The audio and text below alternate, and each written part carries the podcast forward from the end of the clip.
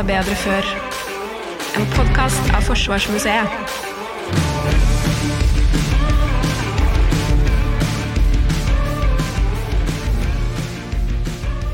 Yes, Velkommen til Forsvarsmuseet, Torbjørn Røe Isaksen. Tusen takk.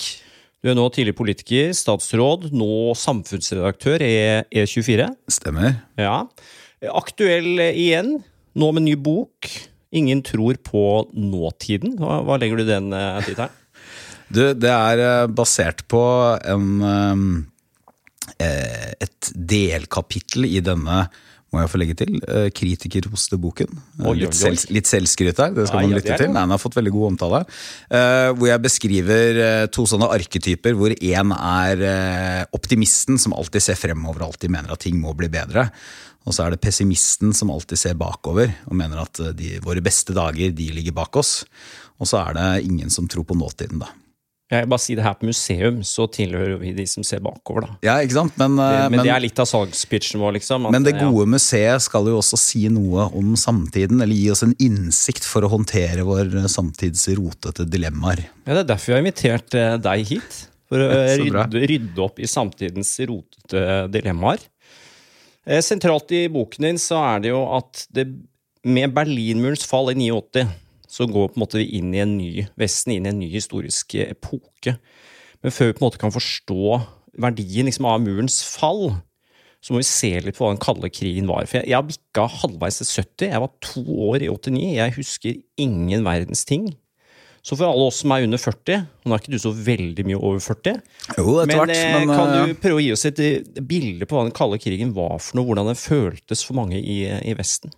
ja, gjerne. Jeg, bare, jeg skal bare først si da at grunnen til at jeg er litt opptatt av 1989 i denne boken, er jo fordi jeg forsøker å si noe om hva som foregår akkurat nå. Men for å, for å få en forståelse av hva det er vi har forlatt, som jeg tror er en spesiell og tydelig definerbar liten periode i vår historie, altså de siste 40 årene, sånn cirka, så må vi, må vi forstå litt hva denne perioden innebar. Og da, da er 1989 veldig avgjørende. Så, så ja, hva er den kalde krigen? Altså Den kalde krigen eh, det er en eh, politisk, ideologisk, sikkerhetspolitisk konflikt som litt forenklet sagt eh, er verdensomspennende. Så det er eh, Sovjet på den ene siden, og så er det USA og dets allierte på den andre siden. Og Sovjet har også da noen satellittstater. Og dette blir mye mer komplisert etter hvert, og du får mange ulike former for kommunisme og sånn. Men det jeg er mest opptatt av i, i denne sammenhengen, det er at det er også Eller blir også en, en ideologisk konflikt. Eh, Så det blir litt sånn stilisert, så blir det Vesten, med våre allierte, som står for demokrati, eh, menneskerettigheter, en eller annen form for markedsøkonomi, fra liksom Gerhardsen-Norge til, eh, til amerikanerne. Og så er det Sovjet som står for diktatur og kollektivisme og planøkonomi. Og disse to måtene å se verden på er liksom uforenlige. Mm, og den varer jo så lenge at folk etter hvert måte begynner å ta det for gitt. Så når, når Berlinmuren faller, så er det ikke sånn at liksom folk nødvendigvis har sett dette komme. Altså, dette var et sjokk. Nei, og så er det jo heller ikke sånn eh, altså Den kalde krigen går jo også i faser og perioder. Så mange som vokste opp på 50- og 60-tallet, de vil f.eks. huske at de hadde atomkrigøvelser. Eh, hvor, som mange forteller litt sånn levende og morsomt om hvordan du skulle gjemme deg under pulten. Altså, Blir det atomkrig, så hjelper det ikke å gjemme seg under skolepulten. Du er, for å si det på dårlig norsk, fucked uh, uansett. Det har ikke noe å si. Uh, da jeg vokste opp, så på 80-tallet og ikke minst på 90-tallet, så var jo disse bomberommene som nå fikk fornyet oppmerksomhet eh, for et par år siden, de var jo allerede da begynt å gravitere på 80-tallet mot å være litt sånn forsamlingslokaler eller bare nedstengte lokaler som vi kanskje kunne kaste en stein inn i hvis vi var eh, heldige. Så det går veldig i perioder, men, men at den kalde krigen er den definerende sånn sikkerhetspolitiske prisme, brillene man leser hele verden med, det er helt åpenbart. Og så kommer da 1989, og, det, og egentlig så er jo kanskje ikke 1989 det mest markante året egentlig, det, eh, men det er det symbolsk viktigste året, for det er da Berlinmuren faller. Og Berlin er symbolet, det delte Berlin. Du har de allierte okkuperte områdene i vest, som etter hvert da blir en del av den frie forbundsrepublikken i Vest-Tyskland. Og så har du DDR, kommunistregimet, sovjetallierte i øst. Og Berlinmuren faller. Dette, dette, er det jo historikere som kan mye mer om enn en jeg, som er en ynkelig statsviter eh, med idéhistorie. Men eh, det er ganske morsom den historien om, om hvordan Berlinmuren faller. Fordi selve det at den den åpnes, altså grenseovergangen mellom øst og vest åpnes, skyldes etter alle solmerker et slags arbeidsuhell.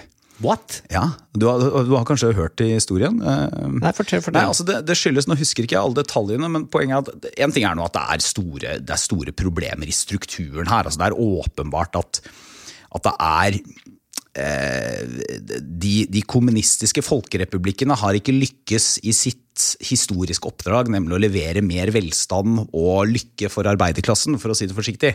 Så det, det er åpenbare eh, sprekker i muren her. Men, men, eh, men, det er en pressekonferanse rett og slett, hvor, hvor en ansatt i eh, så vidt jeg husker, nå tar jeg det etter hukommelsen, eh, i, i da østtyske grensevaktmyndigheter eller noe sånt, altså et eller annet sted i systemet, eh, har fått en litt sånn forvirrende beskjed. I hvert fall så blir det oppfattet som om han sier at nå blir det fri bevegelse fra øst til vest. Og hele grunnen til at Berlinmuren kom, eh, var jo for å hindre folk i å flykte fra øst til vest. Det var hele poenget. Fordi du måtte mure folk inne i DDR. Hvis ikke så ville de dra til vest. Og så viser det seg at det, det, var ikke noen intensjon, det var ikke noe hensikt. Man ønsket egentlig ikke å åpne opp på denne måten, men da var det for sent. For da stimlet folk ut i gatene. Og så sier jo det noe, sannsynligvis, når, når et sånn tilsynelatende uskyldig liten feil kan bety slutten på ikke bare Øst-Tyskland og DDR, men på hele Sovjetunionen og satellittstatene, så sier jo det noe om at strukturen er råtten fra før. da. Og det tror jeg tok en del på senga. men Man hadde liksom sett for seg at Sovjet skulle fortsette. Det prøvde jo også Sovjet å gjøre etter Berlinmurens fall, men det var et eller annet med at det var bare umulig. Når først katta var ja, ute av sekken, ja. så fikk du ikke og, Men det må også sies, da, det er litt nyansert, eh, dette. for det Eh, noen blir tatt på senga. Det, det, mest kjente fra norsk sammenheng er jo Dagbladet. Eh, våre, vår konkurrent fra E24 sin side. Eh, som eh, den dagen hvor alle verdens avisforsider hadde, i hvert fall i den vestlige verden, og i og for seg andre også, hadde Berlinmuren falt, så hadde Dagbladet den legendariske forsiden 'La barna banne'. Med en barnepsykolog som var ute og sa at det å banne litt var sunt. Så, så, de ble tatt på senga. ikke sant? Samtidig så er det sånn at hvis du ser hvis du, hvis du ser på analysene i årene før 1989, så er det veldig mange som påpeker at denne strukturen kommer ikke til å holde. Altså det, er, det er en følelse også innad i mange akademiske miljøer at dette, er, dette begynner å gå mot slutten på en eller annen måte. Eh, og interessant nok så kommer jo da Francis Fukuyama, den amerikanske statsviteren, og hans veldig berømte essay um, uh, The End of History kommer før Berlinmuren faller. Så han er en del av dette. Men poenget er at det kommer, sånn, i bunn og grunn så kommer det, kommer det litt overraskende på. I hvert fall så, så, kommer det overraskende på at i løpet av to år så er liksom hele verdensorden endevendt. Eh, George Bush senior, altså den eldste Bush, han kaller det til og med A New World Order. Eh, og dette er noe Plutselig står altså de vestlige og Nå sier jeg Vesten som en sånn idébetegnelse, ikke som en geografisk betegnelse. Japan er en del av det, f.eks. Men de vestlige landene står jo igjen uten noen overordnet ideologisk konkurrent. Altså For å si det litt enklere, det eneste showet i byen, det er nå liberalt demokrati, liberal markedsøkonomi. Den eneste supermakten som er igjen etter 50 år med, super, eller mer, eh, med supermaktkonflikt, det er USA det er eh, en epokegjørende, eh, dramatisk begivenhet. Og gjør at veldig mange blir veldig glade, for å si det veldig enkelt. Ja, for da, da, Du har valgt å kalle disse som blir eh, altså De politiske aktørene som kommer inn på scenen inn på dette 90-tallet, har du kalt for 89-erne. Hvem, hvem er 89-erne? 89-erne er, det er ikke en generasjonsbetegnelse som sådan i streng forstand. Det vil si at noen av de viktigste 89-erne som jeg peker på, er slett ikke um, unge voksne i 1989. Det, Bill Clinton for eksempel, er en babyboomer. Det er uh, Tony Blair også. Gerhard Schrøder. Gro Harlem Brundtland og Jens Stoltenberg passer begge inn i denne kategorien. Det som kjennetegner dem, det er etter min mening en, en bestemt type ideologisk utsyn. Altså det vil si, de er en ny type sosialdemokrater som eh, på mange måter er formet av to store, sånn viktige ideologiske løse bevegelser som har preget eh, Vesten. Det ene er det vi litt sånn forenklet kaller 68-opprøret. Som mange i dag forbinder med AKP-ML og Hyllestad Mao, eh, dissidentkommunisten i Beijing. Men som jo i bunn og grunn aller mest har i seg en type sånn individuelt sosialt opprør. Altså det handler om å frigjøre mennesker fra gamle autoriteter og frigjøre kvinnen og elevene og de innsatte i fengsler og bryte opp familiestrukturer og sånt. Frigjøringsprosjekt, egentlig. På en, på en viss måte. Og så har du høyrebølgen, som også flommer over store deler av Vesten. Som jo eh, primært er et sånn økonomisk individualistisk frigjøringsprosjekt. Altså man snakker om å rulle tilbake staten eh, mer albuerom for den enkelte, større frihet, lavere skatter, mer liberal økonomi. Og disse 89-erne de, eh, de, formes da, min tolkning, da, de formes da av den veldige optimismen som kommer etter 1989. De formes av eh, 68-ernes frigjøringsideologi, som er individuell frigjøring, albuerom for den enkelte.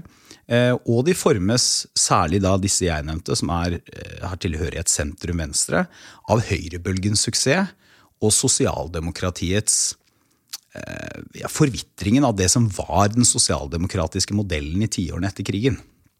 USA litt før, med Franklin D. Roosevelt og sånn. Og det gjør at de får en eh, De kjennetegnes av en type sånn liberal utviklingsoptimisme. Hvor, eh, hvor, tanken er at vi er nå over en helt ny situasjon. Verden har ikke bare blitt bedre akkurat nå, men verden har blitt grunnleggende sett bedre. Altså Vi har på mange måter liksom endret lovmessigheten i historien. Nå er det ingen som tror på lovmessigheten i historien av disse, men det er det vi har gjort. Så vi har innledet en ny fase som, eh, hvor det egentlig bare kan gå fremover.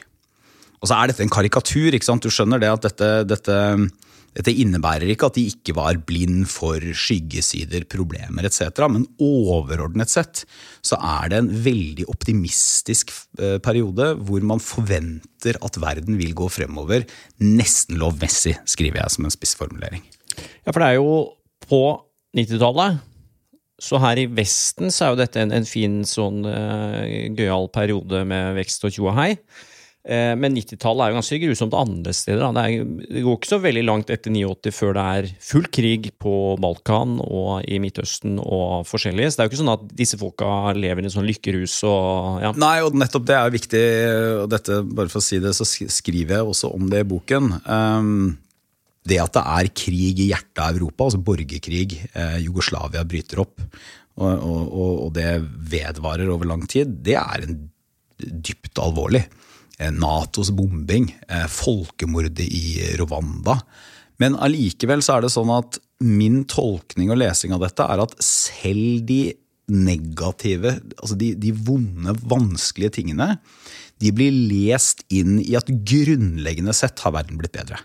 Så du, du får f.eks. fremveksten på 90-tallet av uh, en fornyet interesse for humanitær intervensjon out of area-operasjonene til Nato.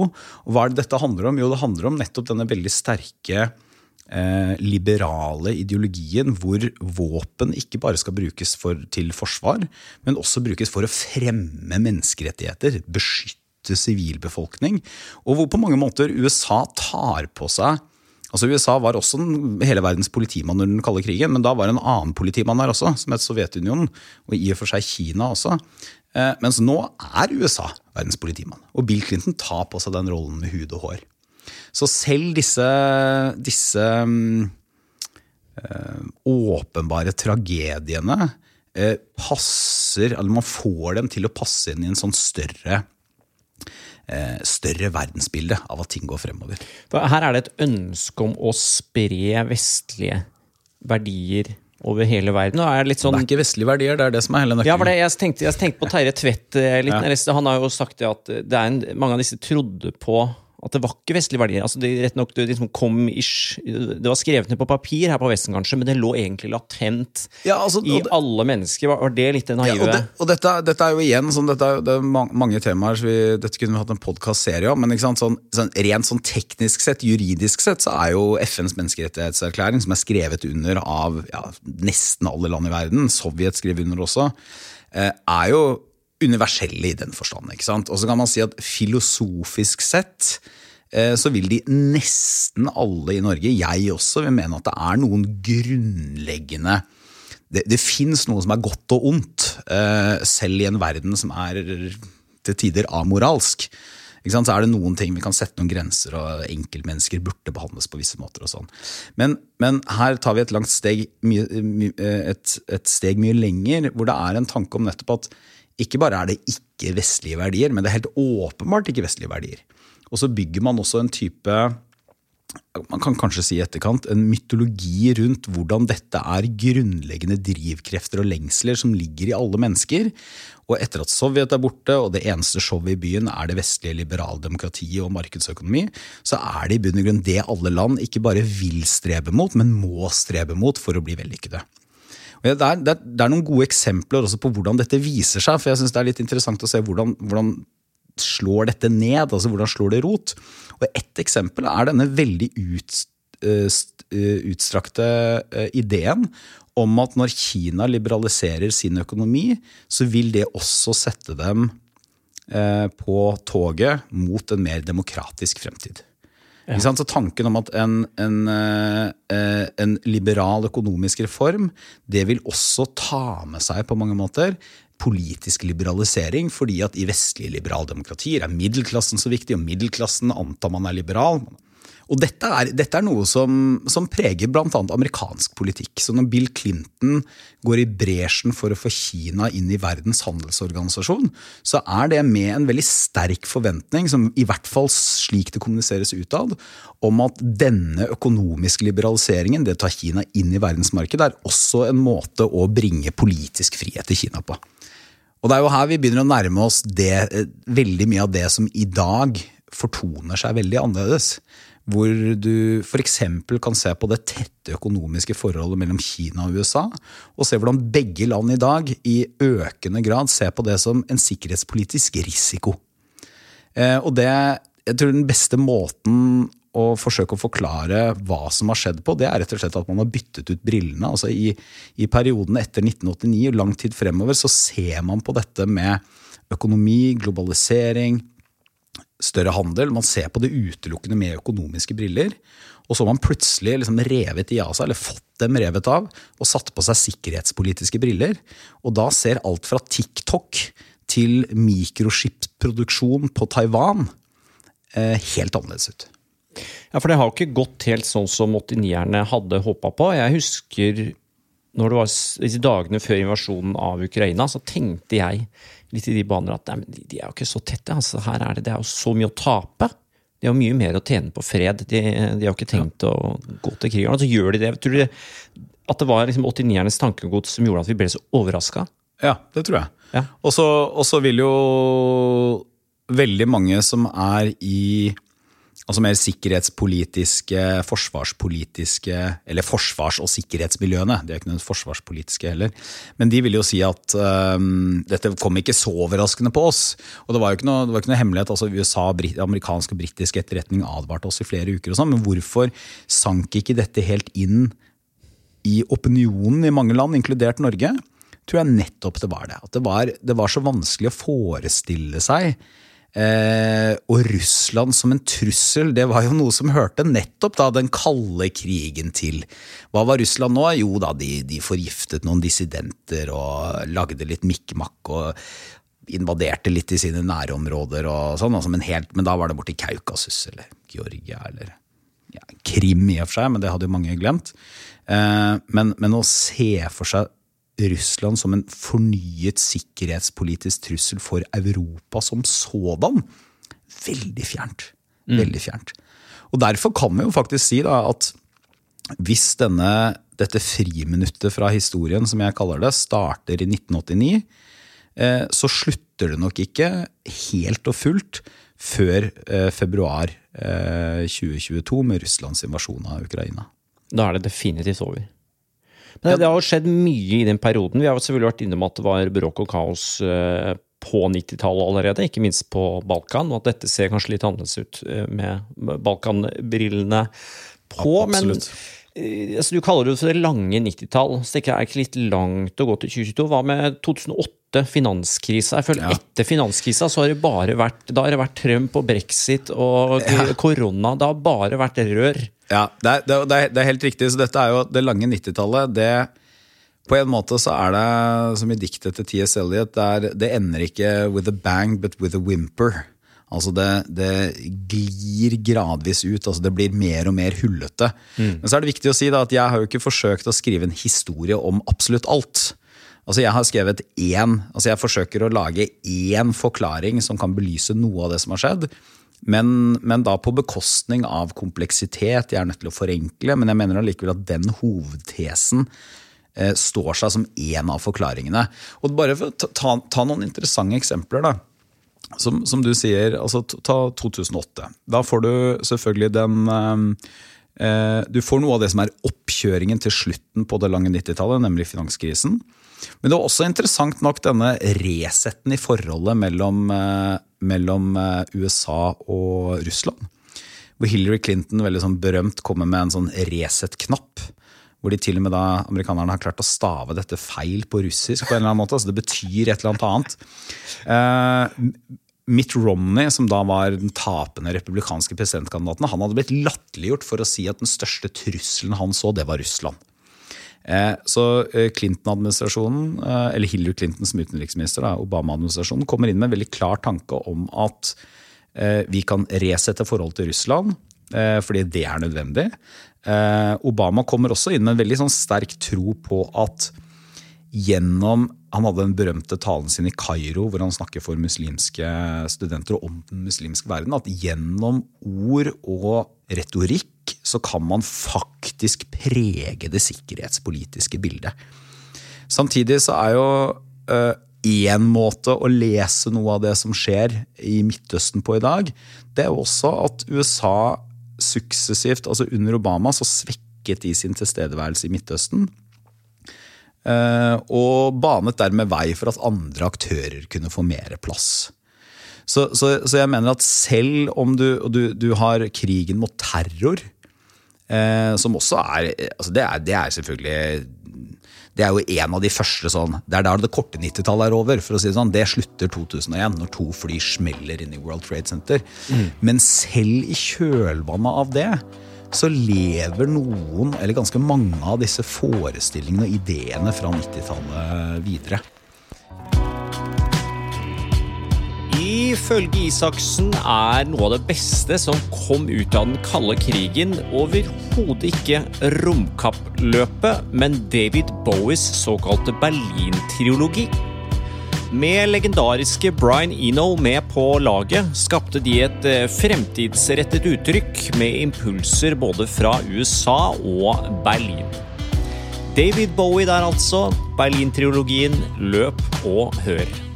Tilbake til episoden.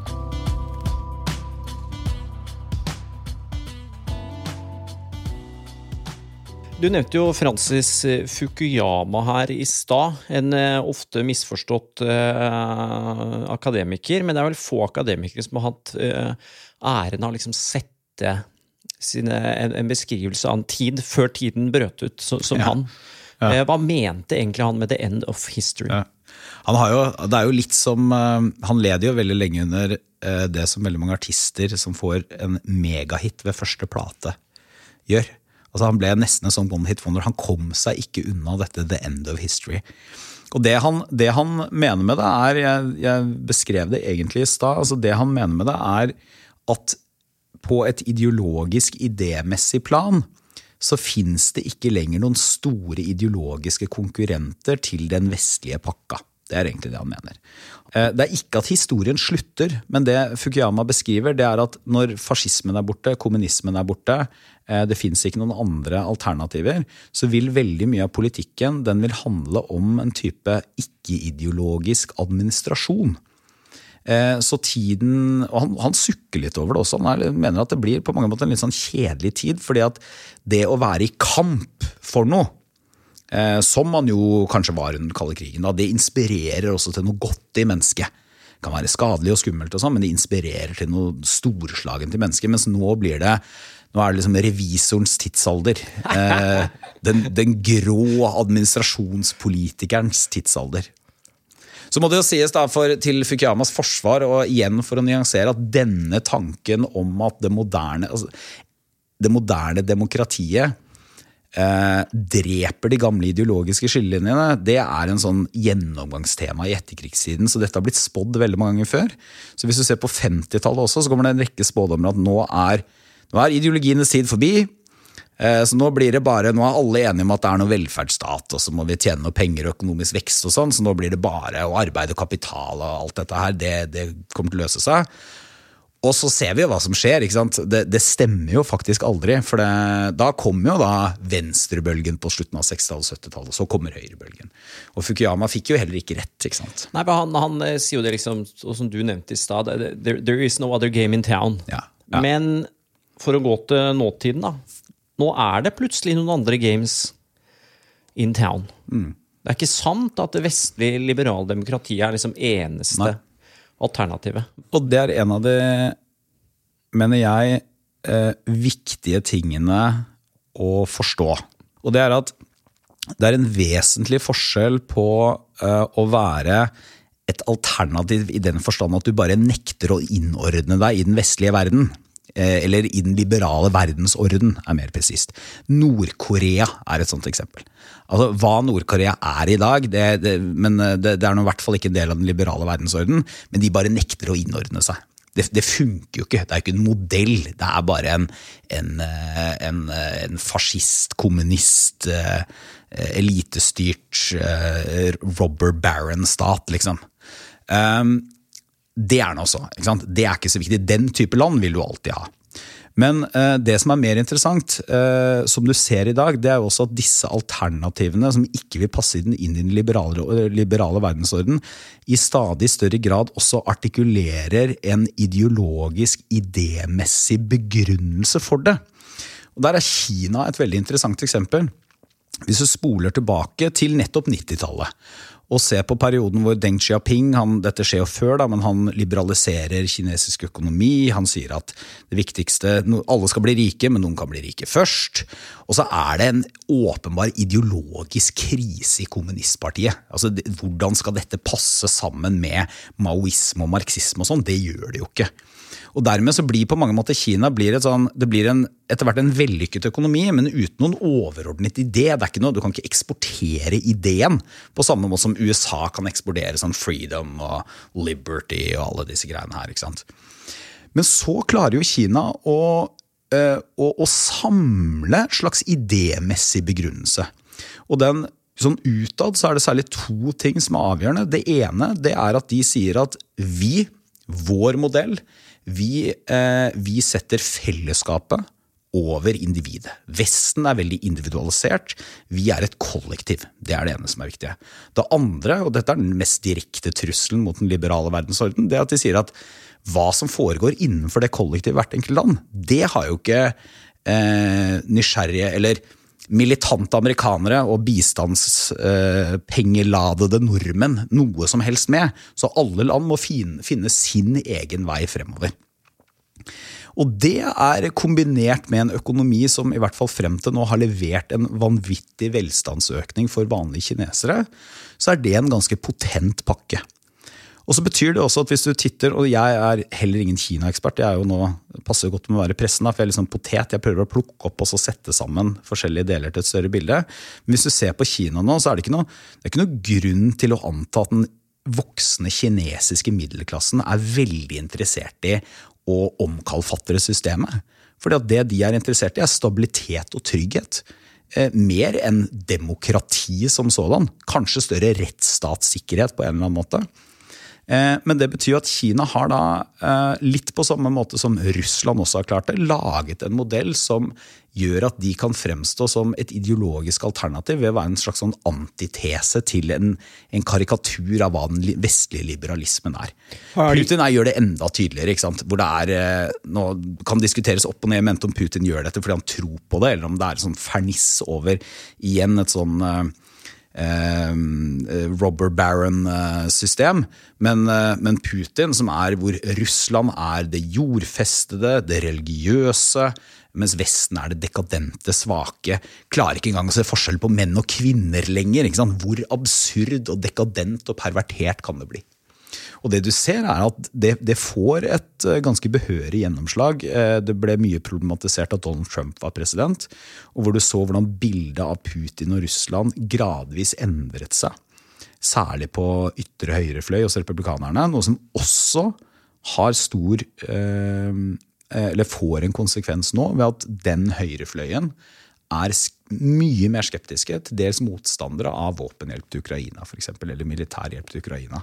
Eh, du så det da eh, Marine Le Pen i Frankrike måtte ødelegge masse valgkampmateriale hvor hun sto og uh, håndhilste med Vladimir Putin, som for øvrig også hadde gitt et lån på x antall millioner frank til partiet hennes.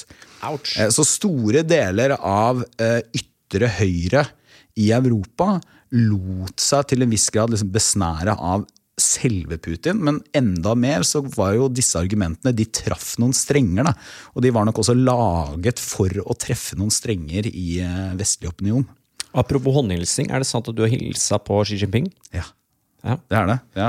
Har det, har det satt riper i lakken din for renommeet ditt på samme måte? Eller har det vært nei, nei, det har ikke det. Nei, på ingen som helst måte. Det var en uh, det var et, eh, kongebesøk da jeg var eh, statsråd. Så hilste jeg på eh, Xi Jinping. Det, men det føltes stort, altså. Jeg må si det. Ja. Verdens ja, i hvert fall nest mektigste mann. Um, og det er jo også Det er mange som har spurt, eller i hvert fall en del som spør sånn Da var vi jo der for å selge, da. Vi skulle, med kongeparet så skulle vi få norske næringsinteresser inn og sånn. Angrer jeg på det? Nei, det, det gjør jeg overhodet ikke. Så jeg er nok om noe så er jeg opptatt av at vi må forholde oss til den sikkerhetspolitiske situasjonen som også det, det renner inn i økonomien vår. Altså dette kommer til å prege måten vi tenker økonomi på eh, i flere tiår fremover. Eh, forholde oss til det på en sånn nøktern, realpolitisk måte. Så jeg er like skeptisk til sånn opproppa kunstige menneskerettighetsdiskusjoner hvor vi later som om vi, vi skal komme med liksom den rette fordring og belære verden hva som er korrekt. Som jeg er til en sånn total naivitet, hvor vi ikke forholder oss til det sikkerhetspolitiske trusselen, eller i hvert fall eh, ja, potensielle trusselen, da, som et land som Kina innebærer. Er vi i en ny kald eh, krig? Det er flere som hevder det. Hva tenker du om, eh, om det? Altså jeg jeg, jeg syns det, det, er et nyttig begrep for å for å vekke opp folk litt. Og for å, um, for å forsøke å forklare hvordan det er en annen situasjon nå enn det det var for bare 10 år siden. 15 år siden. Uh, samtidig så er det også litt, kan det lett forkludre. Da, Alle sånne historiske paralleller kan vi griper til dem fordi det bidrar til å forklare, men så kan det også forkludre. Og det er to veldig uh, tydelige eksempler på at kald krig-analogien kanskje ikke treffer. Eh, det ene er at selv om Kina altså Kina er kanskje i dag en supermakt. Eh, på samme måte som Sovjet var. Eh, men, men, har ikke den samme ideologiske brede appellen som Sovjetunionen hadde, særlig i tidlig fase, altså like etter andre verdenskrig. Men, der, men enda viktigere så er jo så, så, er det nok mindre sannsynlig at verden skal bli så todelt som den litt enkelt sagt var, i hvert fall under krig, kalde krigens første fase. Fordi verdens mest folkerike land det er nå India. Gikk forbi Kina i år. Eh, det landet, i hvert fall Ett av de landene i verden med høyest økonomisk vekst, det er India. Eh, hvis du ser på den anti, litt vanskelig å kalle det antivestlige, men altså i hvert fall den koalisjonen, den veldig porøse, skiftende koalisjonen som eh, på ulike måter står mot det som er et slags sånn kompakt vestlig press, så er den, den er veldig lite enhetlig. Den, og den inneholder veldig mange medlemmer som går litt inn og ut. Og Brasil, hva gjør de? Sør-Afrika, hva gjør de? Eh, ja, så det, det, er en grunnleggende forskjell.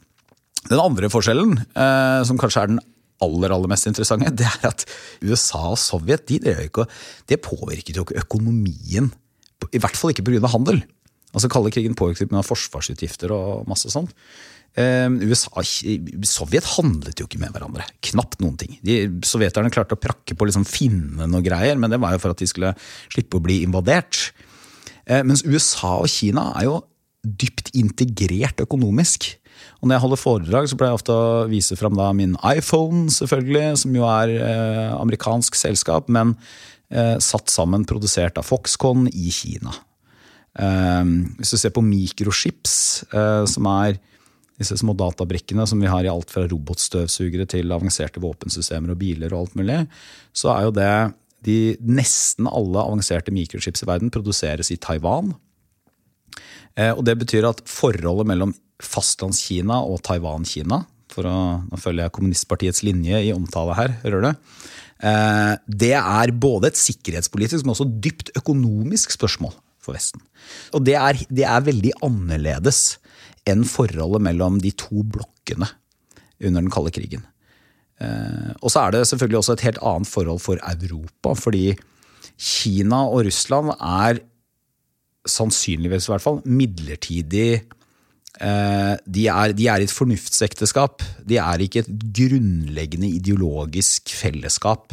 Snarere tvert imot så har de store også Um, altså det, er, store objektive hindringer for at de skal permanent finne sammen. Så situasjonen er mye mer fragmentert, vil jeg si. i hvert fall. Ja, så har du jo teokratiene i, eh, ja, og i ikke for ikke snakke også, ikke om Slenge inn Iran, liksom. Ja, ja. Fukuyama ja. nevner faktisk religion som på en måte noe som kan potensielt bli en utfordring. Men han, han, han, han vifter litt sånn bort i 89. Han sier at eh, jo, men det, det, vil jo bare, det går ikke an å spre det, liksom. Det vil jo bare påvirke de religiøse så who cares? Ja. Men det, er det, det, er jo veldig mange religiøse, da. Ja, så det, men så er det jo den store sant, moderniseringshypotesen om at etter, hvert som verden blir mer moderne, så blir den mer sekulær. Eh, og det, det er en hypotese fordi det har skjedd hos oss. Ikke sant? Konkret. Og det, sannsynligvis så skjer det også i USA nå. Det, de har kommet etter. Men det er, noe, det er jo ingen naturlov at en mer altså moderne, hva betyr det da? Rikere verden. da eh, teknologisk avansert verden automatisk blir mindre religiøs. Eh, og det er et paradoks da at selv om da religiøsiteten nok har vokst i mest i mange deler av verden som, som kanskje ikke har vært de ledende økonomiene på teknologisk eller velstandsutvikling, så har den jo likevel vokst. Altså, eh, karismatisk kristendom er vel eh, verdens raskest voksende religiøse bevegelse. Eh, islam har om noe liksom styrket sin posisjon mm. eh, som både kulturell og politisk faktor de siste fire-fem tiårene. Men det, altså, Du nevner Kina her, altså, den store liksom, supermakten ved siden av USA.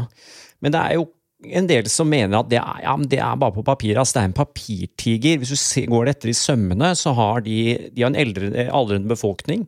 Befolkningen deres er i snitt nesten ti år eldre enn befolkningen til India. Så de kommer til å få en eldrebølge som uh, du nesten bare har sett i, i, i, Japan. De har store utfordringer i boligsektoren. Veldig mye av økonomien deres er tatt opp på lån. Når skal de betale det, osv. Hvor nervøse skal vi være for Kina fremover, tror du?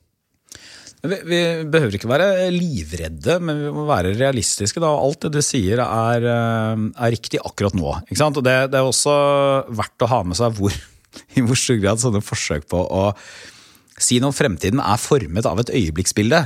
Du, du, skal ikke spole mer enn fire-fem år tilbake så var det sånn gjengs kunnskap. Alle analysemiljøer og sånn sa sånn det er et tidsspørsmål før Kina vil eh, ta igjen USA som verdens største økonomi.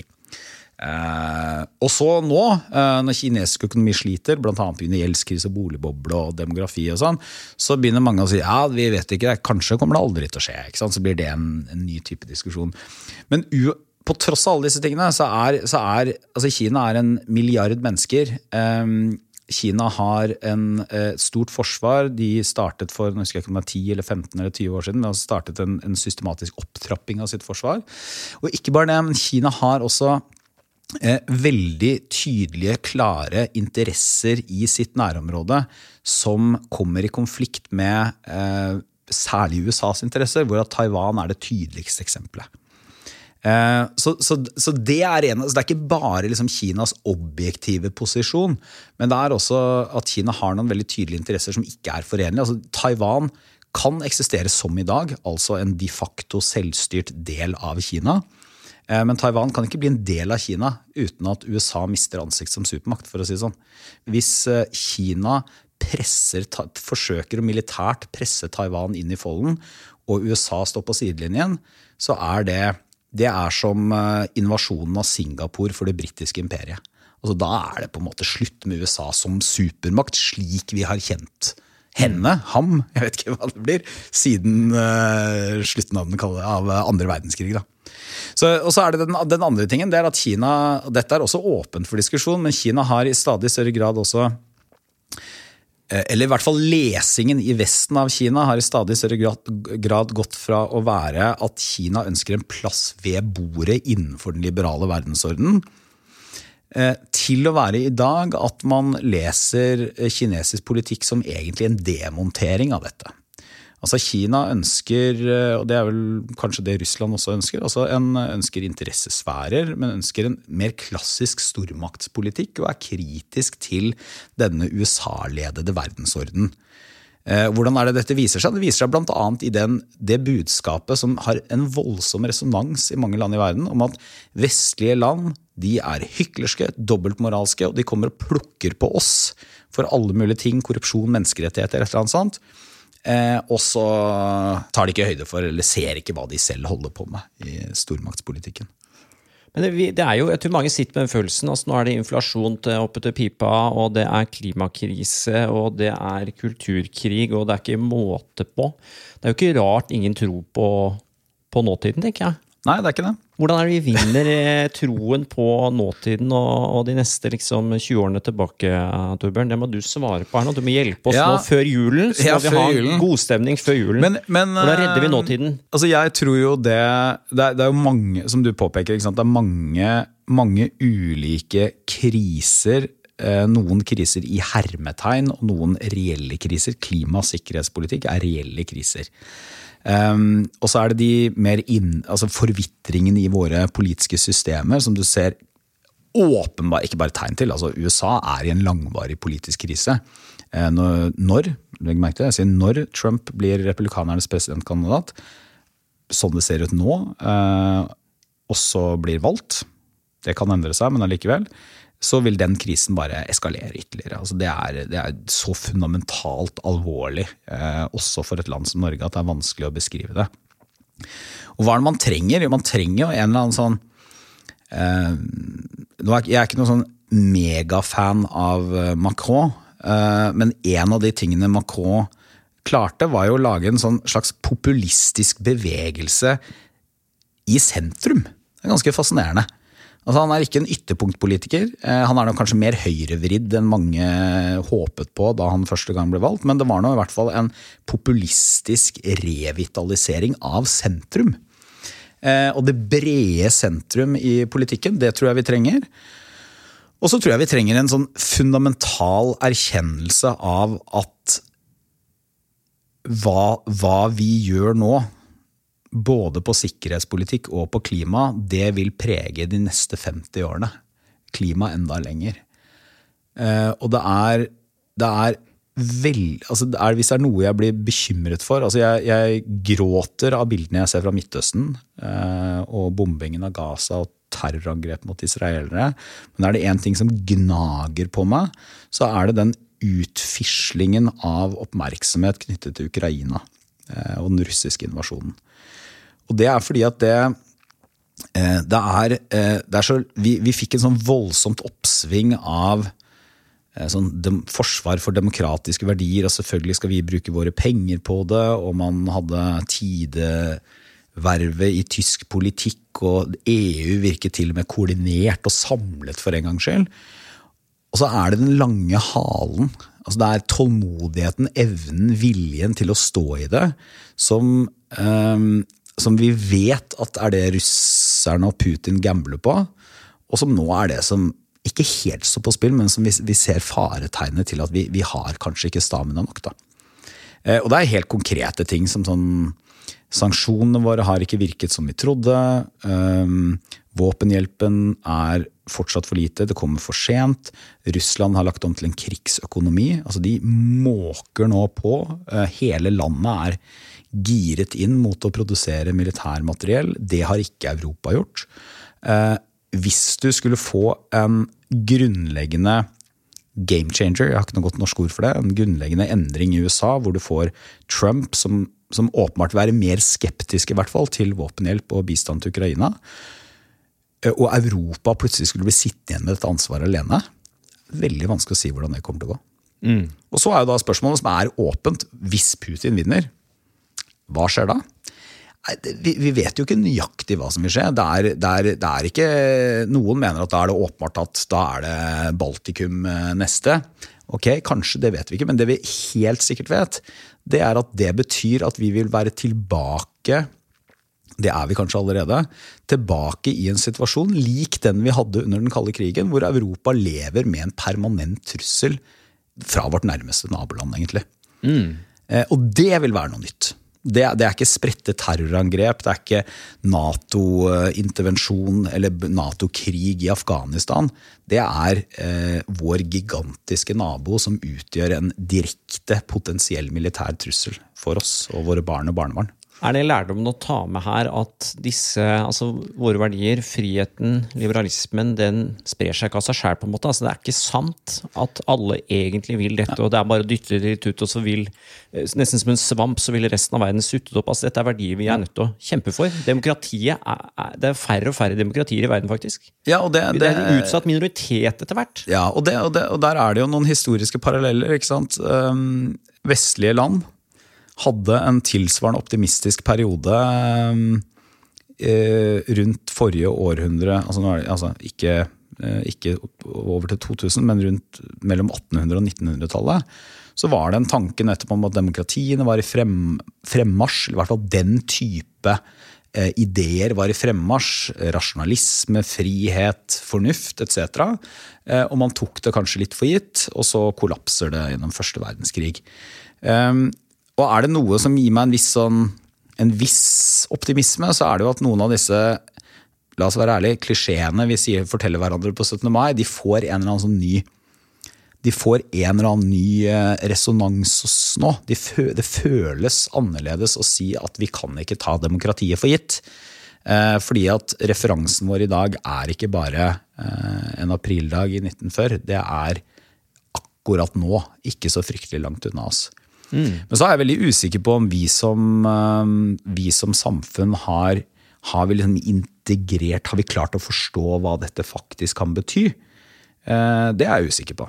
Um, og det, på den annen side så skal det sies at alle autoritære, eh, totalitære stater har opp gjennom historien, så lenge da, da de liberaldemokratiene har vært noen som kan ligne på liberaldemokratier, så har de undervurdert deres kraft. Og de har tenkt som, som, Putin sier i dag, de er late, de er dekadente, de er bare opptatt av å tjene penger, de er ikke i stand til å mobilisere noe av denne patosfylte kampviljen som kanskje trengs i spissede situasjoner. Og så har det vist seg at de tar feil. da. Eh, at det bor det bodde, i, eh, det bodde i land under første verdenskrig, andre verdenskrig. Det har bodd i oss under, i vanskelige tider før. Mm.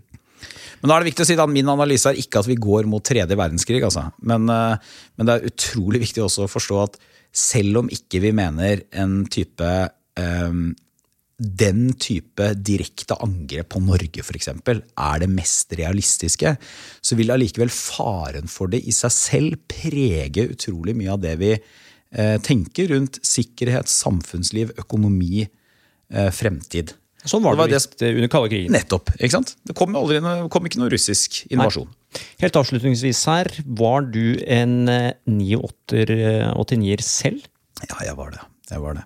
Ja. Både aldersmessig eller en ting Jeg var født i 78, så jeg var veldig ung, men 90-tallet var sånn mitt formative tiår. Eh, også, og jeg var eh, optimistisk, jeg var eh, liberal.